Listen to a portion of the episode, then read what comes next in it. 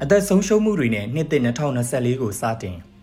2023ကိုစက္ကန့်တဲ့2024ခုနှစ်ဟာနှစ်ဟောင်းကအမွေဆက်ခံပြီးတိုက်ပွဲတွေပြစ်ခတ်မှုတွေကြေးရွာကိုဝင်ရောက်စီးနင်းတပ်ဖြတ်မှုတွေနဲ့စတင်ခဲ့ပြီဖြစ်ပါတယ်။မြန်မာနိုင်ငံမြောက်ဘက်စကိုင်းတိုင်းမှာ PDF ကတင်ယူထားတဲ့ကောလင်းမျိုးကိုဝန်းတို့အမြောက်တက်ကအမြောက်နဲ့လှမ်းပစ်ရမှာဈေးရဲချရောက်ရမှာအနည်းဆုံး6ဦးသေဆုံးပြီး15ဦးဝန်းကျင်ဒဏ်ရာရရှိသွားတယ်လို့ VOA မြန်မာပိုင်းသတင်းမှာဖော်ပြထားတာဖြစ်ပါတယ်။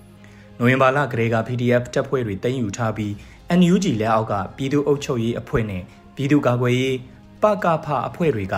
ထိန်းချုပ်ထားတဲ့ကောလင်းမြို့မှာမြို့ကန်အချို့ပြန်လည်နေထိုင်နေကြတဲ့အနေအထားမှာ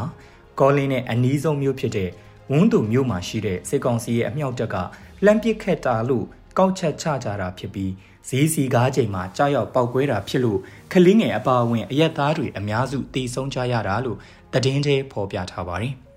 စစ်ကောင်စီအနေနဲ့တိုင်းသားလက်နက်ကန်အဖွဲ့တွေတင်ယူထားတဲ့မြို့အများအပြားနဲ့ပကဖအဖွဲ့ကတင်ယူထားတဲ့ကောလင်းလူမျိုးတွေကိုလေကြောင်းကဘုံကျဲပစ်ခတ်တိုက်ခိုက်တာမြေပြင်ကအဝေးကိုလှမ်းပစ်နိုင်တဲ့အမြောက်တွေနဲ့ပစ်ခတ်တာမျိုးတွေလှုပ်ဆောင်တဲ့မဟာဗျူဟာကိုကျင့်သုံးနေတာဖြစ်ပြီးမကြသေးခင်တရုတ်နိုင်ငံယူနန်ပြည်နယ်မှာမြောက်ပိုင်းညီနောင်၃ဖွဲ့နဲ့စစ်ကောင်စီဘက်ကငြိမ်းချမ်းရေးဆွေးနွေးဖော်ဆောင်ရေးကော်မတီကဒုဗိုလ်ချုပ်ကြီးမင်းနိုင်က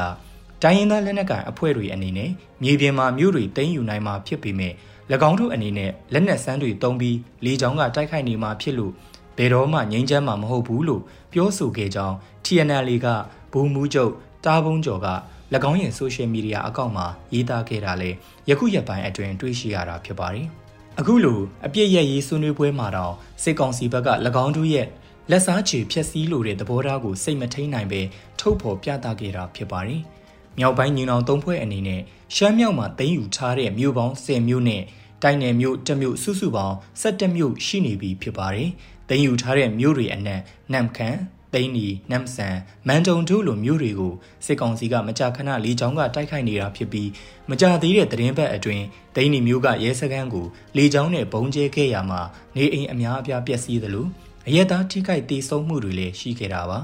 အလားတူနမ်ခံမျိုးကိုလည်းလေကြောင်းကတိုက်ခိုက်မှုတစ်ချိန်မကလှုပ်ဆောင်ခဲ့ပြီးနေအိမ်အများပြပျက်စီးဆုံးရှုံးခဲ့တဲ့အကြောင်းသတင်းတွေထဲပါရှိခဲ့တာဖြစ်ပါတယ်2024ခုနှစ်ရဲ့အစမှာတိုက်ပွဲပြင်းပြင်းထန်ထန်ဖြစ်ပွားနေတဲ့အခြားသောနေရာဒေသတွေကတော့မွန်ပြည်နယ်ကြိုက်မရောမြို့နယ်တွေကချောင်းနှက်ခွတရားကိုပြန်လည်သိမ်းယူဖို့စစ်ကောင်စီဘက်ကအပြင်းအထန်တိုက်ခိုက်နေတာကိုကန့်ကိုပိုင်အုပ်ချုပ်ခွင့်ရဒေသရဲ့မြို့တော်လောက်ကိုင်မြို့မှာစစ်ကောင်စီတပ် ကိုကန့်ဦးစီးအဖွဲ့ရဲ့တပ်တွေနဲ့ MNDAA တပ်တွေရဲ့ကြားဖြစ်ပွားနေတဲ့တိုက်ပွဲတွေရှမ်းမြောက်ပြည်တော်စုလမ်းမကြီးပေါ်ကကုတ်ခိုင်မြို့တဝိုက်မှာစစ်ကောင်စီတပ်တွေနဲ့မြောက်ပိုင်းညီနောင်သုံးဖွဲ့ရဲ့တပ်တွေတိုက်ပွဲပြင်းထန်စွာဖြစ်ပွားနေတာပဲခူးတိုင်းနတ်တန်ကွင်းနဲ့ပဲနွယ်ကုန်းတို့မှာတိုက်ပွဲတွေဖြစ်ပွားနေတာ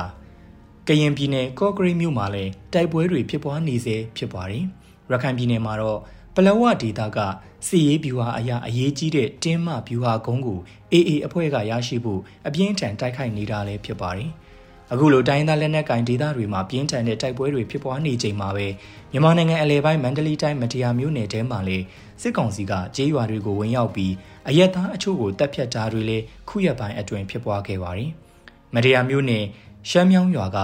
ကြောက်မုံဆက်ယုံလုပ်ငန်းကိုစေကောင်စီတပ်တွေကဝင်ရောက်လာပြီးတော့အသက်80အရွယ်ပိုင်ရှင်ဖြစ်သူနဲ့အလုသမားစုစုပေါင်း6ဦးကိုတပ်ဖြတ်ခဲ့တယ်လို့ BBC မြန်မာပိုင်းသတင်းမှာဖော်ပြထားပါတယ်။မန္တလေးတိုင်းအခြေစိုက် PDF အဖွဲ့တွေက